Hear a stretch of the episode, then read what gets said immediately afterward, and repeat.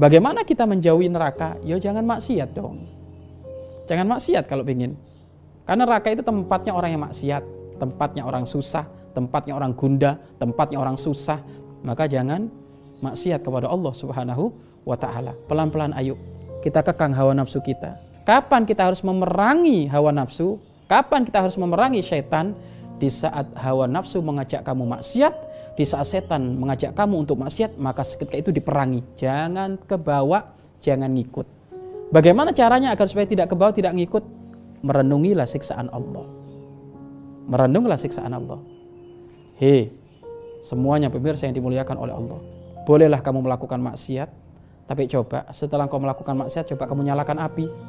Nyalakan korek api. Korek api itu dinyalakan, setelah dinyalakan baru tangannya, jari jemarinya ditaruh di atas di atas di atas api tersebut. Kalau sudah kuat menahan sok maksiat gak apa-apa. Tapi kalau kalau jari jemarimu terbakar, jangan maksiat. Ketahuilah, kobaran api di dunia itu ternyata bocoran kecil segede jarum dari api neraka.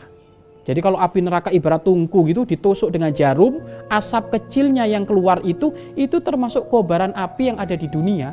Artinya apa? Kobaran api yang di neraka begitu dahsyat. Maka jangan pernah maksiat kepada Allah.